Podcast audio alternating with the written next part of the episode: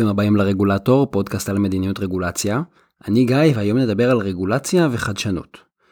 35 אלף בני אדם נהרגו בשנת 2015 בארצות הברית כתוצאה מתאונות דרכים. 35 אלף איש.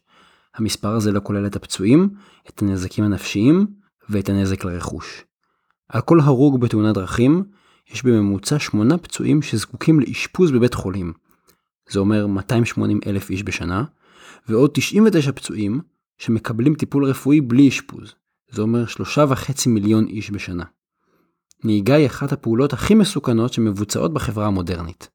מצד שני זו פעולות מועילה. קשה לנו לדמיין את החיים שלנו בלי רכבים. אבל מסתבר שאלה לא המכוניות שמסוכנות, אלא אנחנו, הנהגים. 94% מתאונות הדרכים נגרמות עקב טעות אנוש. הסיבות הנפוצות ביותר הן הסחת דעת, נהיגה בשכרות והירדמות על ההגה. מחקר של חברת הייעוץ מקינזי מצא שניתן למנוע את רוב התאונות ולהציל חיים רבים באמצעות טכנולוגיות חדשות. אם נאמץ טכנולוגיות חדשות שמסייעות לנהג, ובעיקר אם נעבור לרכבים אוטונומיים, נצליח למנוע עד 90% מתאונות הדרכים. וזה כמובן בתלות שבתמהיל בין רכבים אוטונומיים ורכבים עם נהג על הכביש. אגב, נסו לדמיין מה יקרה לשוק הביטוח ביום שבו רכבים אוטונומיים ימנעו 90% מהתאונות. מהפכה. רכבים אוטונומיים יכולים להציל חיים. יש הסכמה בקרב המומחים שהמעבר על רכבים אוטונומיים יציל חיים. אך הרגולציה מעכבת את התהליך הזה, בעיקר בגלל החשש משינויים ובגלל אי הוודאות שכרוכה בטכנולוגיה החדשה. חשוב להגיד שהתמונה מורכבת, ויש גם שיקולים וטיעוני נגד. המעבר הזה מפחיד את כולם, פוליטיקאים, רגולטורים וגם את הציבור הרחב. אבל אם אנחנו יודעים שהוא יציל חיים, והרבה, למה זה כל כך מפחיד אותנו? לאחרונה התקשורת סערה בגלל תאונות שבהם היו מעורבים רכבי ניסוי אוטונומיים, למשל של אובר וגוגל. אין סיקור של תאונות דרכים רגילות שמתרחשות בכל יום, בגלל שהן עניין שבשגרה. נהג ממוצע מעורב בתאונה על כל 160 אלף מיילים שהוא נוסע, זאת אומרת כל 265 אלף קילומטר. הרכב האוטונומי הניסיוני של גוגל נסע קילומטראז' כפול בלי שום תאונה. וככל שהוא נוסע יותר, הוא לומד ומשתפר יותר, אז הוא הופך להיות יותר בטוח. אז נהגים מסוכנים בצורה די עקבית. הרכב האוטונומי נסע הרבה ועשה פחות תאונות, וככל שהוא נוסע יותר, הוא יעשה עוד פחות ופחות תאונות. בחלק מהתאונות של רכבי ניסוי אוטונומיים, המשטרה קבעה שהאשם בתאונה הוא נהג אנושי שהתנגש ברכב האוטונומי. היקף ההרוגים בתאונות דרכים והסיכון להיהרג בתאונות דרכים לא מתקבל על הדעת. בממוצע זה 1 ל-112. ויש עוד המון תאונות קלקלניות שאנחנו לא מתים בהן אבל נפצעים קשה. העניין הוא שהמוח שלנו לא יכול להקדיש המון תשומת לב לכל כך הרבה תאונות. כל הזמן יש תאונות דרכים עם נהגים רגילים, נהגים אנושיים. לכן המוח שלנו מסנן את אותם אירועים יומיומיים, והאירועים הנדירים תופסים את תשומת הלב שלנו, למרות שיש בהם סיכון מאוד נמוך. זה בדיוק אותו סיפור כמו עם תקיפות כריש. והתוצאה היא שהשיח הפוליטי והשיח התקשורתי מתאים אותנו.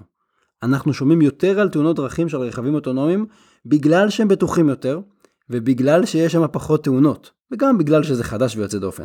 זו הטעיה קוגניטיבית שנקראת הטיית הבולטות, סליאנס. היא גורמת לנו להתמקד דווקא באירועים החריגים והיוצאי הדופן, למרות שהם נדירים. אבל יש כאן סיפור יותר עמוק מרכבים אוטונומיים. פחד משינויים גורם לפחד מחדשנות. יש לנו חשש מובנה משינויים, ומדברים חדשים ולא מוכרים. טכנולוגיות חדשות הן בהגדרה משהו שמעורר אצלנו חשש. ולכן ההתייחסות אליהן לא תמיד רציונלית לחלוטין. מקבלי ההחלטות עלולים לפעול בצורה שחוסמת טכנולוגיות וחידושים, בגלל חשש שמגיע מהבטן ולא מהראש. זוכרים את הסיפור הביזארי עם חוק הדגל האדום שהבאתי? זה בדיוק זה.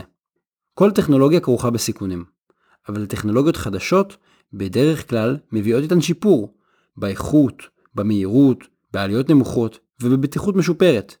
שיפור של הטכנולוגיה החדשה הופך את חיינו לטובים יותר, ולעיתים קרובות גם לבטוחים יותר. זה ברור כשחושבים על הסיבות הנפוצות ביותר לתאונות דרכים.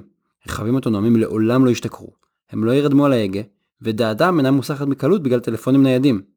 כמובן שיש להם חסרונות אחרים, וצריך לוודא שהיתרונות עולים עליהם. אבל לא מדובר רק על כלי רכב, זה קיים בכל תחום. החשש מנהל אותנו. בשנות ה-40, שימוש בפניצילין, מה שאנחנו מכנים אנטיביוטיקה, התרחב להיקף משמעותי. מומחים לבריאות הציבור מעריכים שהשימוש בפניצילין הציל את חייהם של כ-200 מיליון איש. כדי להבין את סדרי הגודל, במלחמת העולם השנייה נהרגו 75 מיליון בני אדם, זה פי שלוש. כשהפניצילין אושר לראשונה, לקח שלוש שנים בלבד להשלים את כל הניסויים הקליניים ולאשר את רישוי התרופה. אז הפניצילין הוא דוגמה להליכי רישוי בשנות ה-40, חמש שנים לקח במקרה הזה. במקרה של אינסולין בשנות ה-20 זה היה אפילו עוד יותר מהר. בין הגילוי הראשוני של התרופה עד להשלמת כל התהליכים ותחילת השימוש בו, חלפו רק שלוש שנים. היום נדרשות שנים ארוכות רק כדי לאשר את מתווה הניסוי הראשון, ועוברות בממוצע 12 שנים עד שתרופה חדשה מקבלת אישור מהרגולטור. זה לא אומר שלא צריך רגולציה על תרופות. זה רק אומר שהחסם הרגולטורי הולך ומחמיר והולך ומצטבר.